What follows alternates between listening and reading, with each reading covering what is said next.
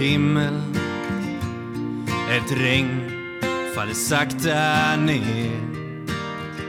Det får mig att minnas en stad, en stad jag lekte i som barn. Grågrå människor i svarta, så svarta kläder. Men jag min sorglösa dag, ett vackert minne som alltid finns kvar.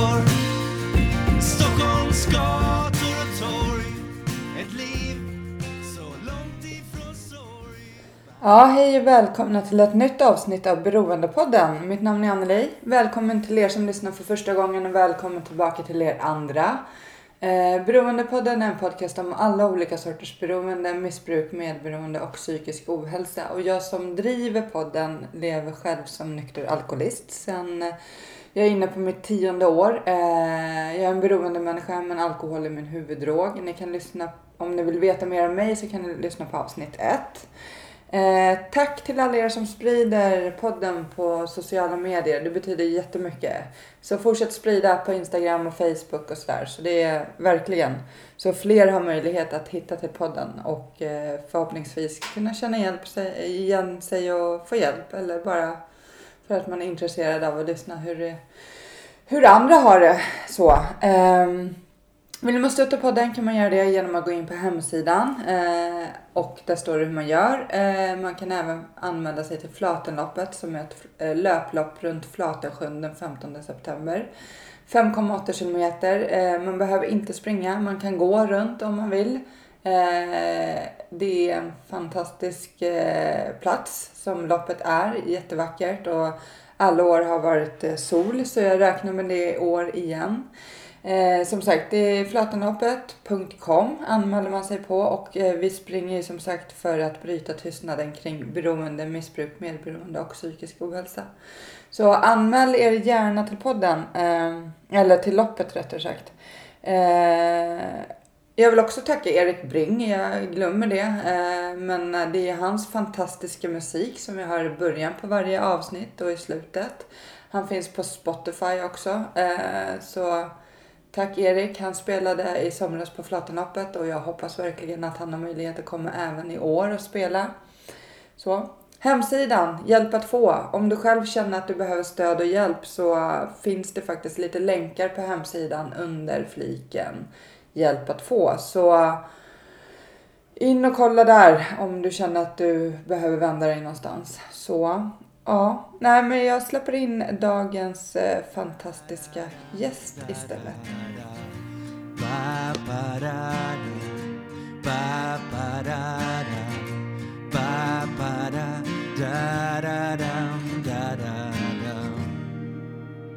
En dyster T-baneperrong, ett liv inrutat i betong. Stäng ut det andra med musik, fokusera allt på att bli rik. Här finns en dyster atmosfär, ett liv kretsat kring karriär.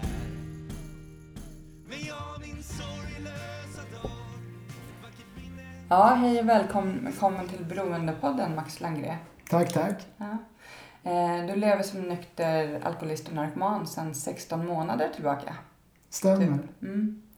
Så eh, jag skulle jättegärna vilja höra hur det var, vad som hände och hur det nu är. Eh, vill du börja berätta lite vart du kom ifrån? Absolut. Ehm, jag är 35 år gammal och född och uppvuxen i Vasastan. Ehm, och ehm, i min, eh, i min barndom så tror jag att jag var ett... Jo, men jag var glad som barn. Men det hände väl... Det har ju hänt lite grejer. Jag har ju mitt sociala arv, liksom min livshistoria och det är någonting som jag har gått tillbaka väldigt mycket och kikat på. Jag tycker det är ganska intressant också att se hur man formas utav eh, eh, alla objekt runt omkring. Och så här, det första jag kan komma på som formade mig var att min mor blev kroniskt sjuk redan när jag var åtta år gammal. Och i det var precis i samband med att jag bytte skola. Ehm, Vad var det? Var Kroniskt sjuk på... Ja, magsjuk. Ja. Eh, ultralös kolit bland annat. Ja. Och precis då när jag bytte skola så bodde hon på sjukhus. Och jag bodde med min mormor och var ny i den här skolan. Och eh, jag minns att eh, jag hade någon form av en väldigt stark ensamhetskänsla, en övergivenhetskänsla. Och, eh, och kände väl också att det var någonting hemma som, som kanske inte förmedlades till mig. Eh, som inte var rätt. Och jag kunde märka, eller jag kan se att det tog väldigt hårt på min självkänsla. Och jag var eh, väldigt känslig just ja, men kring att möta andra människor och så. Mm. Så det var en tuff period. Eh, och lite senare då under, eh, under mellanstadiet så hann eh, min mors alkoholism ikapp henne. Mm. Så jag är uppvuxen i alkoholisthem. Mm. Okej. Hur såg, hur såg veckorna ut? Var det helger eller vardagar hela tiden? Eller? Eh, det, fann, det var inte schemalagt. Nej, men... Så det kunde... Det blev väldigt ruffigt väldigt fort. Eh, och mina föräldrar är skilda och jag hade väl eh, kanske ingen riktig fadersgestalt just då heller. Eh, eller jag hade min pappa men jag bodde ju ändå mest hos min mamma för det, var, det är så det har varit sedan de skilde sig. Och här uppstod väldigt mycket, ja men det var väldigt mycket stök hemma och jag minns att eh, jag kände att det var ganska ohanterligt. Eh, samtidigt som jag inte riktigt, jag var barn som sagt, jag visste inte vad som var rätt och fel. Ska det vara så här? Ska det inte vara så här? Men det gick väl väldigt ut, eh, gick väl ut väldigt mycket över mitt, eh, mitt soci- mina sociala sammanhang i skolan. Och jag minns att eh, jag fick eh, ja, men i ganska tidig ålder börja kämpa mycket för att få en tillhörighet. Mm. Ja. Mm. Men eh, okej, men hur var skolgången då? Gick den... Jag tog mig väl igenom. Mm. Jag tror eh, jag var det här, jag var det här barnet som, jag var, gjorde inte de stökigaste grejerna. Men jag stod gärna lite bakom och kollade vad som hände. Jag sökte någon form av spänning. Ehm, och eh, i och med att det blev, det blev eh, progressivt stökigare och stökigare hemma så tyckte jag det var viktigt att eh, lägga på mig en, socia- en social kameleont som man kan, kanske kan se det nu. Så det var viktigt för mig att ha mycket vänner. Jag bodde hos mycket vänner. Just i och med att det var lite stökigt hemma hos mamma och eh, hos min pappa var det nog raka motsatsen. Där var det mer eh, krav på en att man skulle leverera i skolan och, och så. så. Jag hade lite svårt att få till det. Mm. Men eh, din pappa, han eh, märkte inte av hur det var hos mamma då? Som Alltså, jag tror inte riktigt han visste hur han skulle hantera det helt enkelt. mm. Och han hade ju mycket med sitt, sin, sitt jobb och så. Jag tror han var ja, oförmögen till att lösa problemet, vilket jag kan se idag att han var också. Pratade du med någon om, om hur det såg ut hemma eller? Ja, ehm, min mormor och jag hade en väldigt eh, stark relation. Eh, samtidigt som... Det här är ganska unikt faktiskt för jag hade en, en, en kompis vars mamma var med i en gemenskap och han sa till mig så här att det här som händer hemma, det är inte ditt fel. Mm. Så på något sätt så fick jag en tillit. Så jag har försökt att ventilera det här eh, med vänner och sånt. Så jag tror inte, när någonting har varit jobbigt så har jag försökt förklara vad det är som är jobbigt av min bästa förmåga. Eh, Och det, det tror jag har varit ganska viktigt. Mm. Men eh, när kom du själv i kontakt med alkohol och... Ja. Eh, var, jag var ju väldigt rädd för alkohol och så eftersom att jag hade sett vad, vad som hände hemma. Det var...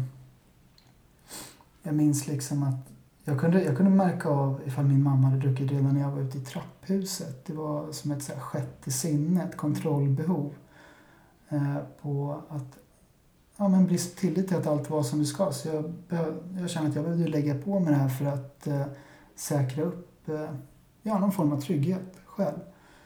Eh, men själv kom jag i kontakt med alkohol när jag var 13 år. Och jag minns att eh, ja, det var så äckligt att dricka. Det tog emot. Jag fick sitta och pressa ner mig. Och det var de här klassiska, man blandar häxor och sånt där. Mm. Men eh, ja, första gången jag fick till en fylla så slog jag ut en del av framtanden och, tapp, och blev av med min personsökare. Mm. Eh, och mådde fruktansvärt dåligt efter. Och, eh, ja, men, och där så... Det var att man gick på hemmafester och sånt. Men jag var ganska liten och jag fick, jag fick verkligen kämpa med att få i mig alkoholen. Mm. Eh, upplevde såklart att eh, känslan var väldigt eh, befriande från det här som skavde annars. Man eh, vågade prata med tjejer, vilket var en kanongrej. Och, så. och lite senare så kom någonting som, som blev väldigt viktigt för mig. Eh, Jag började träna kampsport i 17, 17 års ålder. Mm. Och det på något sätt eh, gick före hela den här festgrejen under den perioden. Jag kickade mer på det helt enkelt.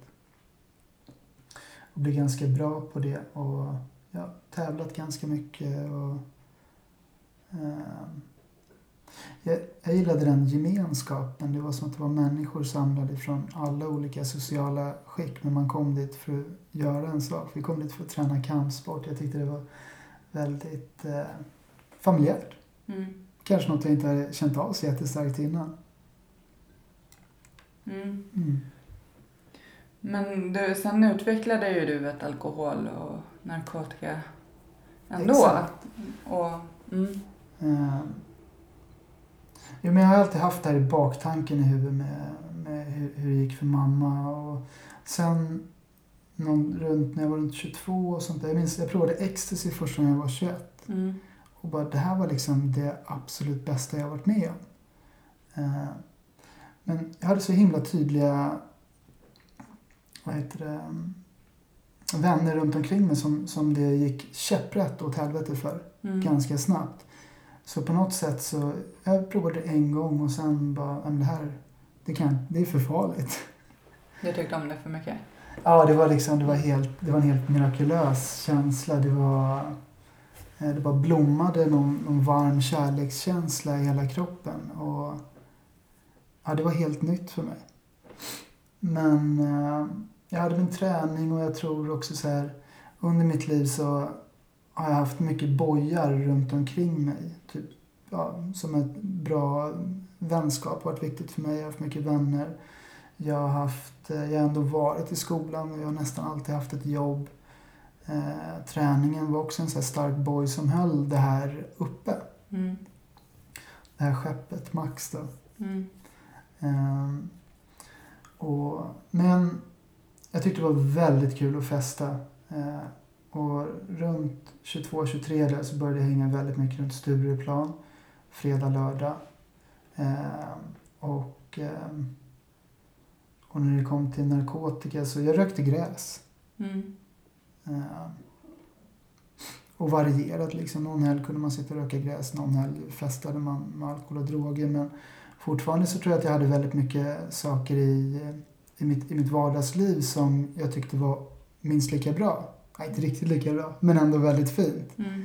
Och något form av konsekvenstänk då, att man kollar på ja, hur hade det gått för, tid, för vänner som hade trillat dit och, och, familj, och mamma då såklart. Eh, och eh, vart är jag någonstans?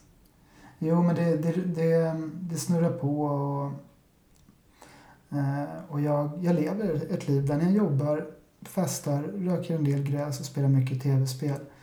Eh, men vid 2008 så går jag väl på min första depression. Mm. Och det ska tåla att säga att min eh, mamma snubblade ner på en gemenskap 2006 Mm. och tillfrisknade. En tolvstegsgemenskap. En tolvstegsgemenskap. Eh, och det var liksom så här helt mirakulöst. Så här, först var hon nykter en månad. Jag bara, hur är det här möjligt? Hon jag trodde att hon var ett, hon var ett helt hopplöst fall liksom. Mm. Det var så här, sen ett halvår, ett år, jag fick nypa mig i armen. Mm. Men så var jag med henne när hon tog två år eh, som anhörig. Mm. Och, eh, och det var verkligen inte vad jag hade tänkt mig. Men jag minns att det var eh, en person som sa att jag kan sitta hemma eh, över helgen och ta det lugnt även fast jag har pengar på fickan. Mm. Och den, eh, den, den kände jag den fastnade hos mig. För mitt, he- mitt liv såg ut så att mamma fick lön och man gick ut och festade stenhårt de tre första helgerna. Och sen var man pank. Perfekt, en vit helg liksom. Mm. Mm. Eh, Men den, den sommaren blev väldigt hård och eh, jag gick in i en depression. Jag blev av med mitt jobb. Och det blev... eh, Jag minns att jag sa det till min mamma. bara, Jag har festat väldigt mycket den här sommaren. Och så här, eh, jag blev ekonomiskt pressad för jag hade en lägenhet. Och, och eh, jag- fick eh, det här... eh, När man börjar tappa gnistan liksom. eh, det, det är en oro i sig själv som man inte riktigt kan få bukt med. Mm. Och, och det, var, det, det är väldigt läskigt att vara i en, en, en djup depression. Det, det är så himla mörkt. Mm. Men jag tror, jag tror fortfarande inte riktigt så här... eh, Jag kunde absolut inte se att... eh, Alltså min, min alkoholism eh, kunde jag inte se var roten i det. Alltså mitt, rätt- sagt min konsumtion utav alkohol. Men jag vände mig till min mor. Och hon hjälpte mig med ett par viktiga grejer där. Så här, för att det var mycket runt omkring som störde. Människor gjorde inte som jag ville. Och jag tror också att ju djupare man faller ner i sig själv, ju mer krav har man på allting runt omkring att det ska dra upp en. Mm. Men eh, hon lärde mig ett par viktiga prylar. Typ att eh, så här, andra människors handlingar är vi maktlösa kring. Låt inte dem ta din energi. Och du är maktlös kring vädret och allt sånt där. Och jag fick lite riktmärken. Fick ett nytt jobb. Mm. Och, och eh, jo, jag hade även haft, eh, jag hade även pajat båda mina knän så kampsporten fanns ju inte heller. Mm. Eh, en viktig, det var en viktig boj i mitt liv och då sjönk, sjönk den ganska fort. Men jag, som sagt, jag fick ett nytt jobb och ja, men fick ordning på det här, eh, det, det materiella, Mm. det yttre. Och, eh, och eh, ja, men, ja, men det började funka rätt bra och så här. Eh, tyckte fortfarande det var väldigt kul att gå ut och festa. Eh, och bekräft, jaga bekräftelse och sånt. Jaga tillhörighet i olika subkulturer och så. Och jag körde lite då via den här måttstocken som jag fått av min mamma. Att lägg försök att inte lägga energin på fel grejer. Kom upp i åren, runt 30 och där finns ju det här, eh, det här trycket ifrån samhället att du ska ha familj, du ska ja, men ha ett stabilt jobb och sånt där. Och jag har alltid haft väldigt svårt att få till det här med tvåsamhet. Jag har haft svårt att vara genuin i relationer för att jag har använt relationer till väldigt mycket. Eftersom jag kan säga idag att jag inte har varit, eller har varit på en ganska mörk plats så har jag, jag använt relationer väldigt mycket till att söka bekräftelse. Och jag lever en tro idag att när man söker kärlek utifrån så kommer den inte att bestå. Så, och jag började mer och mer känna att fasen, jag har svårt att... Det pressade mig. Mm. Och jag minns att jag, men jag, jag hade en relation och vi åkte till Berlin. Och det var när jag fyllde 32 eller något sånt. Och Berlin, där har det varit stökigt. Där fick jag tag på MDMA på min födelsedag som är ren ecstasy. Mm. Och det var liksom den här... Det var precis lika bra som det hade varit eh, ja, ungefär tio år tidigare. Eh, och jag kände väl att ja, jag är ändå på en hyfsad plats. Jag har jobb och sådär.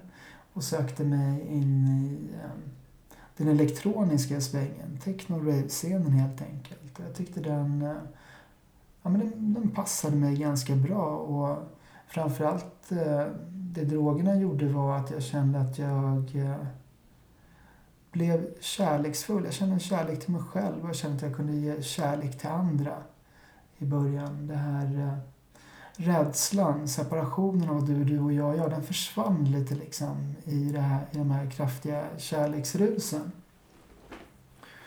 Och härifrån så börjar det här klassiska att bara när jag är utomlands, Mm. eh, bara en gång i månaden, ja, kanske en gång varannan vecka.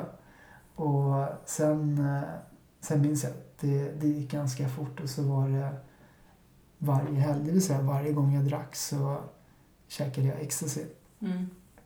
Och jag kan säga att jag rökte väldigt mycket gräs också i samband. Det var som att allt hade, hade liksom eh, progressivt blivit värre. Jag släppte lite mer tag om de här värderingarna jag hade haft innan. Och, och framförallt så här, vad det gjorde mig när, jag, när grejerna funkade var att jag behövde inte bry mig så mycket om det här med att man ska ha en tjej och man ska ha den här familjen och det här jobbet. Jag var nöjd. Mm. Jag hade hittat något som lirade bra. Ehm, och eh, ja, och det rullar på helt enkelt. Och grejerna slutade väl eh, fungera mer och mer samtidigt som eh, jag märkte, jag träffade en, en kvinna och i min gemenskap så fick jag förmånen att skriva en sexlista och gå igenom alla mina relationer. Och det var verkligen ett så här eh, aha-grej liksom. Mm. Jag såg ett så himla tydligt mönster som jag inte kunde, kunde blunda för. Att, att så fort jag har fått en kvinna, eh, den här bekräftelsen, så, så har jag gått vidare och vidare. Men sen har jag träffat någon sån här som, eller en, en, en kvinna som är avvisande.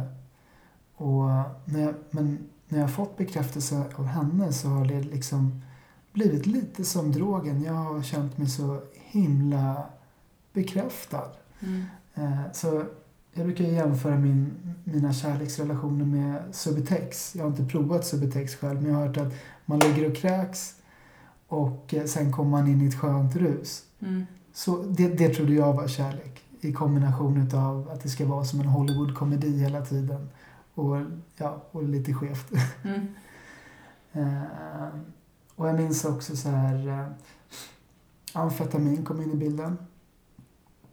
Eh, det blev, eh, man kunde förlänga de här festperioderna. Det började verkligen bli från, eh, ja men över hela helgen, inte det här gå hem emellan utan att eh, fr- fredag liksom till sent på söndag kväll. För jag hade fortfarande kvar mitt jobb som var viktigt. Jag visste det måste jag sköta för Mm. annars har jag ett problem. Men eh, amfetaminet eh, gav ju drivkraften liksom till att köra på. Och eh, så här, eh, men jag minns att jag fick den här tjejen och då blev det så här, ja, men jag kunde ta det lugnt liksom i... eh, Jag hade en rivig sommar bakom, bakom mig och... ehm, men jag har alltid levt, eller jag jag har alltid levt också trott att jag ska träffa en tjej som får mig att sluta festa. Mm. Och det, det upplevde jag lite att jag hade gjort. Men ganska så här tidigt så när jag på något sätt hade fått den bekräftelsen så började jag ta med henne ut och så vidare. Och det var nästa, nästa, nästa. Och, och hon, hon dumpade mig då. Och det är så här... Eh, jag kunde inte hantera det då. Eh, jag hade, och jag märkte också att jag var så oförmögen att hantera mina känslor överlag under den perioden. Eh, Drogerna hade liksom... Eh, eh, ja, droganvändandet gjorde att jag inte kunde hantera mina känslor. Och det som började svämma upp var egentligen grejer som jag tror att jag alltid har flytt ifrån. Och där började väl eh, ett, destru- ett verkligen destruktivt användande. Ehm, det blev, eh, jag snöade mer och mer in i att bli bekräftad i den här eh, technoscenen och omgav mig mer och mer av vänner som höll på med tung narkotika. Och kom givetvis längre ifrån mina barndomsvänner som började eh, som hade fått till det här med familjebiten och ja, började skapa sina familjer helt enkelt. Så den separationen blev större och större. Eh, och innan sommaren då, 2016 så sålde jag min lägenhet och gjorde en ganska bra affär. Eh, och, skulle köpa, och skulle köpa en ny lägenhet eh, samtidigt som att det var mycket på jobbet och det rörde ihop sig ordentligt med de här känslomässiga bitarna, de här dysfunktionella relationerna jag hade. Så att innan semestern där så, så blir det för mycket. Gå in i väggen, kalla det vad du vill. Det blev liksom det här, det är helt ohanterligt. Mm. Um, men jag vill inte acceptera det. Så jag pep iväg på min semester och tryckte på för kung och fosterland. Ehm, alla former utav... Eh, eh, jag gjorde allt för att må bra helt enkelt. Provade nya droger och eh, egentligen bara hela, hela den här perioden var bara en lång fest. Tills... Ehm, och jag kunde absolut inte hantera mina känslor kring den här relationen. Det var som att jag vet inte hur jag skulle komma över henne. Jag förstår inte vad jag... Jag nya tjejer och sådär. Jag vet inte. Ja, eh, och jag började bli väldigt paranoid mot mina vänner. Eh, tappade tillit till människor överlag. Och, och det var så få grejer som gjorde mig glad i slutet. Men... Eh, jag var på en festival och det här kan låta klyschigt men jag blev träffad av en blixt. Mm. Eh, på riktigt. Den slog ner i det här elsystemet och det här, det här förskönandet bara försvann i ett nafs och det bara kom ett så här skrik inifrån bara du håller på att bli exakt som din mamma. Eh, och jag blev inte nykter och drogfri där. Men varje gång eh, jag gick ut och använde efter det så var det som att jag bara försökte fly just den känslan. Eh, till slut så skulle jag ta en vit månad. Efter två dagar så, ja men jag kan gå ut och dricka två bärs. Och det gick käpprätt åt helvete. Och det, det tror jag blev en så himla viktig vändpunkt. Där på något sätt kände jag att jag var maktlös kring alkohol och droger. Ehm. Och sen dess har jag fått förmån, har förmånen att vara nykter. Eh, och jag trodde att om jag slutar dricka och kröka, så, eller slutar dricka och knarka, så kommer jag må bra. Eh, jag hade nästan två månader innan jag kom in i en gemenskap själv. Mm. Och sökte mig till en livscoach först och började käka några naturmediciner. Kände att Ja, men, och pratade med henne och frågade om hon hade haft problem med alkohol och droger och det hade hon inte haft. Så, så jag kände ingen tillit till, jag vet inte hur det skulle kunna hjälpa mig. Mm. Valde att steppa upp det så jag gick till en psykolog. Och, eh, och fick antidepressivt utskrivet. Och började läsa en må bra-bok. Mm. Eh, började träna mer men det var så mörkt allting. Allt var så himla mörkt. Den här eh, eh det som, det som gjorde mig glad var inte inom räckhåll. Och det här med alkohol och droger, mitt fönster fann ut ur det var fortfarande aktivt. Det var fortfarande att jag på något sätt visste att jag kan inte ta upp. Um, och, och när man går runt i veckor och, och det är som att man är under ytan hela tiden. Man försöker, jag försökte lära mig fiska. Jag tänkte det är väl en nice grej att göra. Mm. Så var jag ute och fiskade. Eh, tyckte det var helt värdelöst. Men jag gjorde allting för att komma ur det här tunga i huvudet. Eh, men så var det en annan vän med. Som, som hade börjat gå på en gemenskap. Och jag hade faktiskt berättat för mamma att jag hade problem med alkohol och droger. Hon bara, ja men äntligen. Då har jag en lösning på det här problemet. För att den här eh, superhjälten som jag alltid har sett mig som hade bara legat och gråtit på hennes soffa mm. på veckor. Eh, och han gick i en gemenskap och det var ett meditationsmöte och jag hade förstått att meditation på något sätt kanske kan hjälpa emot det här tunga jag har i huvudet. Eh, så jag följde med där, gick mitt första möte. Och hajade egentligen knappt någonting. Andra mötet var, gav mig inte heller så mycket. Eh, men på tredje mötet så det var ett lite sånt ursäkta språket, men ett håll käften-möte. Mm. Och jag valde att ta kontakt med en som hade gått före där och bad om vägledning. Och, och på det spåret är det liksom. Och det är 16 månader sedan. Ja, eller 14, Eller 14, månader ja, sedan jag det kom in i programmet där. Och din, din mamma hon lever fortfarande nykter och Ja, det har gått från 2006 eller vad du sa? ja, ja visst. Ja, gud vad grymt. Ja, det är häftigt. Jag, tyckte, jag, jag, jag har alltid tyckt att hon är så jäkla weird liksom. Det var Sen hon blev nykter eller? Eh, eller innan? Nej, men jag tror att vi alltid legat i otakt. Ja. För att, eller kanske inte, inte under barndomen, men eh, när hon blev sjuk så kunde jag inte umgås med henne. Och sen när hon blev nykter så ser jag att min progressiva sjukdom, hade, det skavde ju att vara där. För att eh, mellan det hon säger så kom det väldigt mycket sanning som jag tror träffade någonting i mig som jag inte kunde hantera då. Mm. Eh, Men det var väl egentligen när jag berättade att jag hade problem med alkohol och droger så var vi som två vinylskivor som hamnade i takt. Mm. Och så här, eh, jag har pratat med henne i princip varje dag sedan eh, jag började gå på möten. Mm. Och eh, först så tyckte jag att min sponsor hade något väldigt attraktivt och han förde mig genom steget på ett helt perfekt sätt.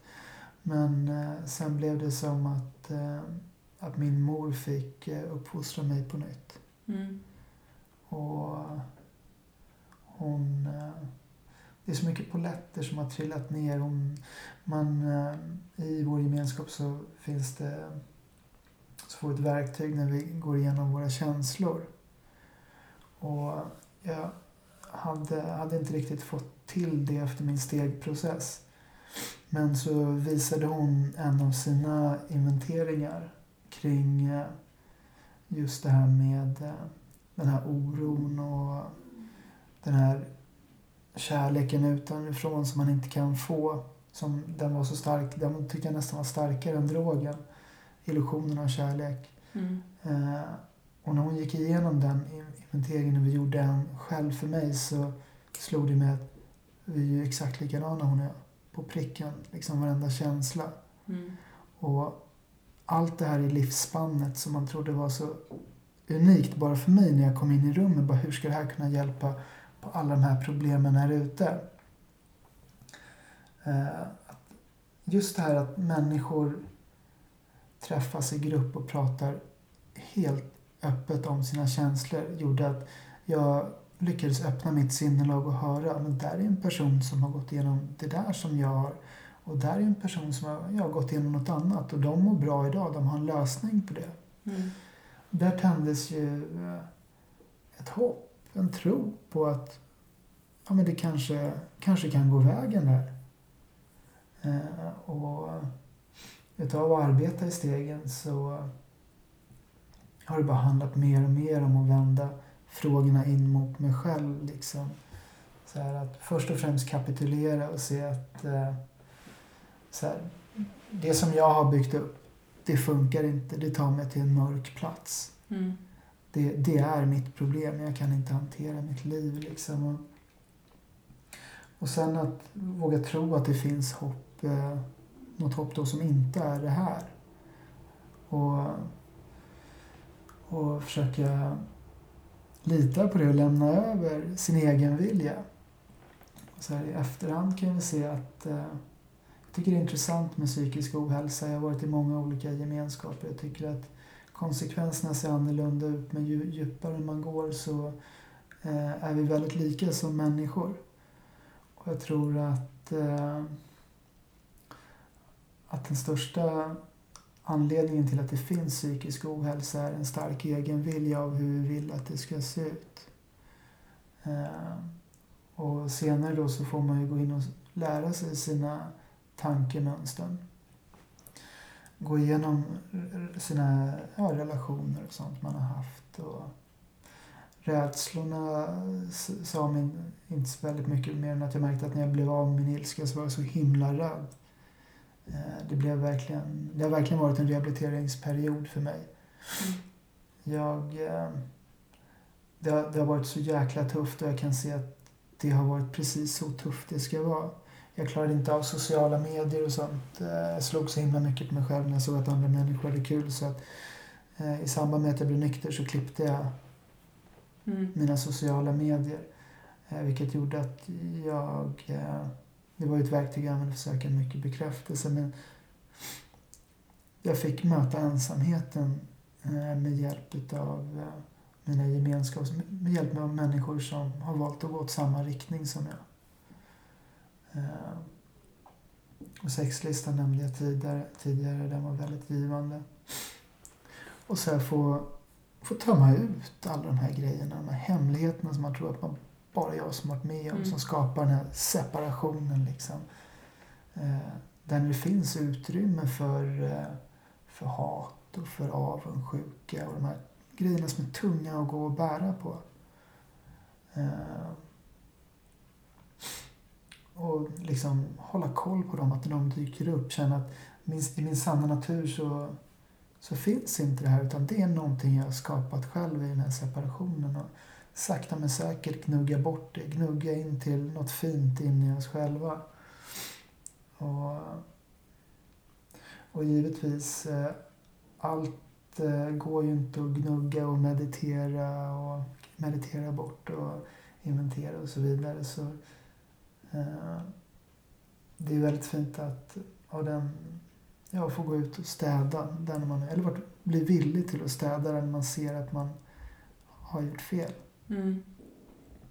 Ställa till rätta saker och ting. Och, ja, meditation. Mm. Meditation.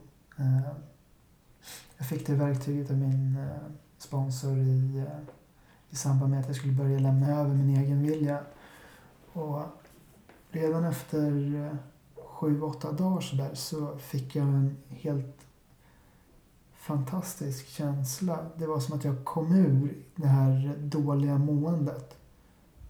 Eh, och jag kände liksom så här, jag kände, ja, men jag fick en väldigt, jag fick en väldigt stark känsla så att oberoende person som man är så började jag meditera väldigt mycket. Mm. Eh, Men det ledde till att eh, redan efter ungefär en månad i programmet, en eller två månader, så började jag trappa ner på de här antidepressiva. Mm.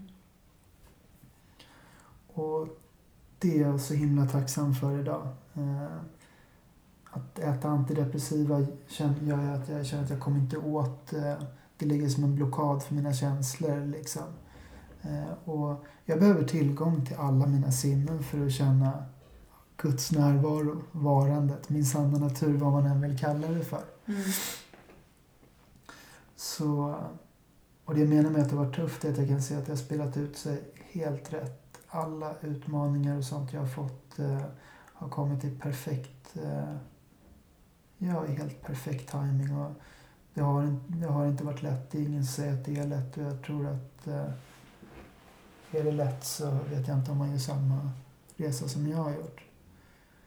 Ehm, men att fortsätta gnugga på de här grejerna och så fördjupade jag mig, fördjupade jag mig i meditation också. Jag tyckte det var en plats, jag, när det var mycket brus i huvudet så var det som att jag kunde i början bara komma under det lite men sakta men säkert så dyker jag ner till något stilla. Något, eh, ja, något evigt kanske, någonting som eh, en plats där det som händer uppe inte är relevant. Mm. Eh, Och, eh, och få ge vidare också. Se människor komma in och, och de berättar om sig och om man blir tacksam påmind om hur det var. För att vi är ju med oss själva precis hela tiden. Och det är ganska svårt att märka när man gör förbättringar. Eh, precis som jag inte märkt så tydligt när det började gå sämre tills man slog på några riktiga hinder. Liksom. Eh, så, så här, eh, det är att typ skriva en sida när någonting är bra eller när någonting är dåligt, någonting är jobbigt och gå tillbaks till det. Träffa nykomlingar gör att jag blir så himla tacksam påmind om att just jag blev räddad. Ja. Och det är fint. Mm. Det är jättefint. Hur, mår, hur mår du idag? Jag tänker du, nej, jag hör ju att du mår bra liksom, men är det, du har ju varit i depressionen och utbrändheten och så och, där, Ja. och idag känns det lugnt och skönt. Och, Eh, eller, jo, men så här, det här eh, egot vi har, det här referensverket, mm, är ju väldigt bra på att spinna på och hitta små grejer och störa sig på och sånt där och sånt där.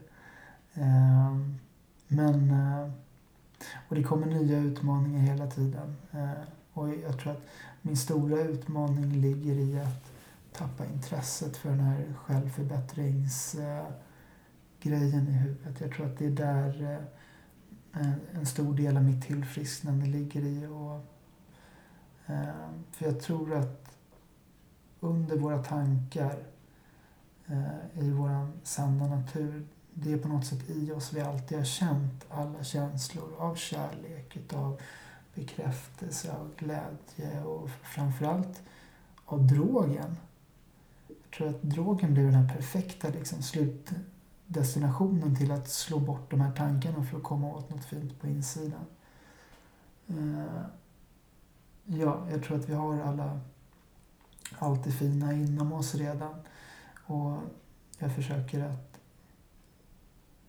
Ja, jag, kan, jag vet inte, jag försöker väl att inte försöka. mm, Så, och, och jag, har fått, jag har fått tillbaka mycket av mitt gamla liv utifrån eh, nu under hösten. Och även fast det kommer mycket bra utifrån så försöker jag ändå gå tillbaks till det här, här inne och ha det som, eh, som eh, det är därifrån det börjar liksom. Koordinaterna mitt i själen liksom. Att det måste funka här för att det ska funka där.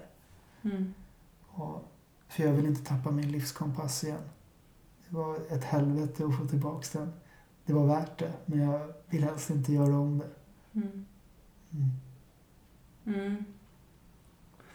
Har du haft några sug och så sen det slutade eller blev du befriad? Uh, haft lite småsug. Eh, jag tror att det har mer, jag har nog mer behövt tampas med känslor utav avundsjuka att andra kan hålla på. Eh, jag... Eh, men jag tror, eller så här, jag, jag har tryckt på rätt mycket. Jag har pangat mycket möten. Jag har mediterat varenda dag sedan jag fick den där appen. Och jag har gjort eh, allt i min makt för, för att må bättre. Mm. Och jag tror i den processen att må bättre hela tiden, den här progressivt själsliga utvecklingen, så kom jag längre från det här destruktiva tidigare. Eh, jag tror, och så här, en drog är ju en kick liksom. Jag får komma ur mig själv och känna att jag är här och nu på något sätt. Det här tankarna och sånt försvinner ju ur för en stund. När jag kommer tillbaks, sen när jag kommer tillbaks till mitt normalläge, som att jag tidigare varit oförmögen till att eh, ta hand om mitt mindset, så har jag saknat den känslan utav att vara i den här kicken. Jag tror det är där man bygger den här abstinensen. Eh, Men det tuffa under min nykterhet eh, har framförallt varit att eh, släppa taget om eh, allt jag höll kärt ifrån det gamla livet. Eh, gamla vänner och sånt. Man märker att eh, det kanske bara var festen vi hade gemensamt. Jag hade svårt att se det. Kvinnor från mitt gamla liv var också så himla känsligt. Och släppa taget. Men jag har behövt släppa taget om ja, i princip nästan allting för att kunna skapa en ny relation till det med mina nya glasögon. Mm. Och jag har haft förmånen att inte behöva tampas med några tuffa drogsug. Eh, och det, att jag har fått behålla mitt första steg, det har jag min gemenskap att tacka för. Annars Mm. tror jag inte det hade varit möjligt. Mm. Ja, till er som lyssnar eh, idag så kan man gå in på hemsidan beroendepodden.com så finns det en sida som heter Hjälp att få. Där finns det lite olika länkar till olika tolvstegsgemenskaper ifall man behöver stöd och hjälp som man kan vända sig till. För som sagt, det har räddat många liv. Det har vi ju många bevis på bara här i podden och som du och jag träffar på dagligen. Så. Ja, Ja. det är helt fantastiskt och det är så fint att höra att din mamma också är nykter. Jag har också ett, ett gäng eh, familje, eller släktingar ska jag säga, som har blivit nyktra. För det är ju ofta en familjesjukdom. Så det är ju... Det är Det- jag tror inte jag har träffat någon som säger att den själv är alkoholist eller narkoman men sen finns det inte någon mer i släkten utan ofta har man ju en mamma eller en pappa eller en mormor eller morfar, någon innan liksom. Så kan ni stötta varandra mycket i det här kan jag tänka mig. Att båda...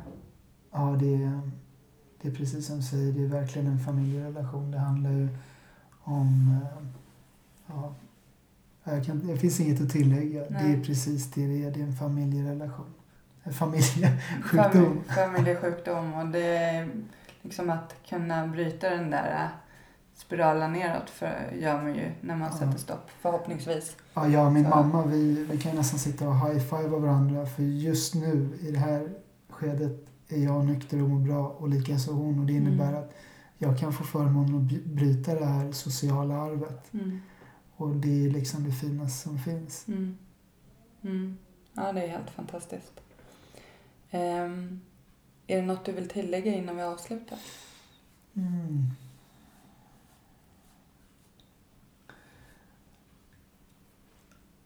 Nej, det är tomt. Det är slut på meddelandet. Det var, eh, tack så jättemycket att du kom och ville dela med dig av din historia, verkligen. Och jag önskar dig allt gott i framtiden. Och tack för att jag fick komma. Trevlig fortsättning. Tack.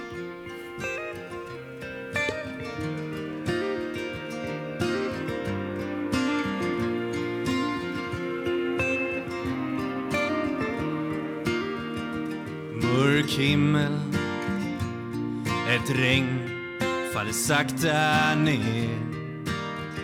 Det får mig att minnas en stad En stad jag lekte i som barn.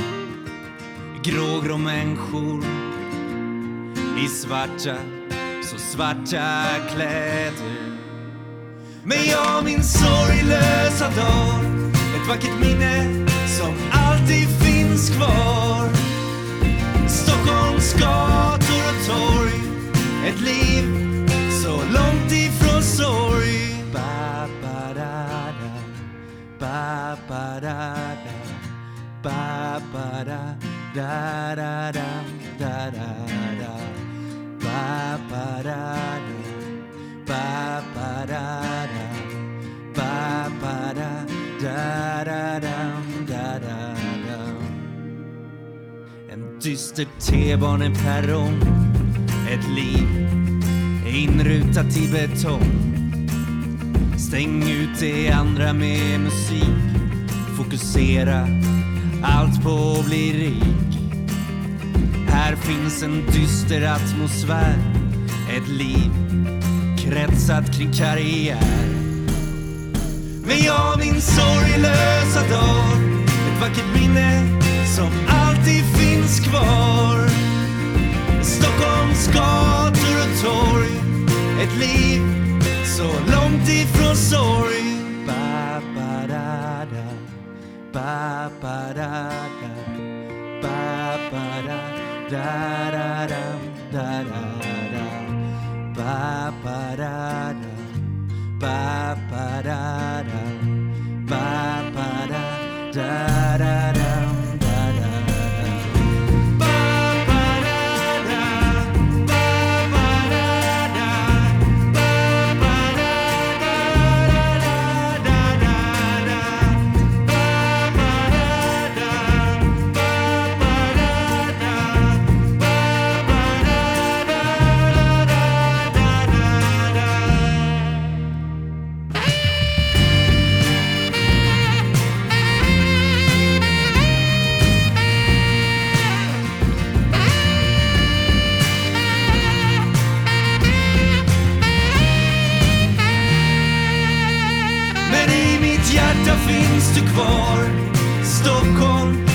Mina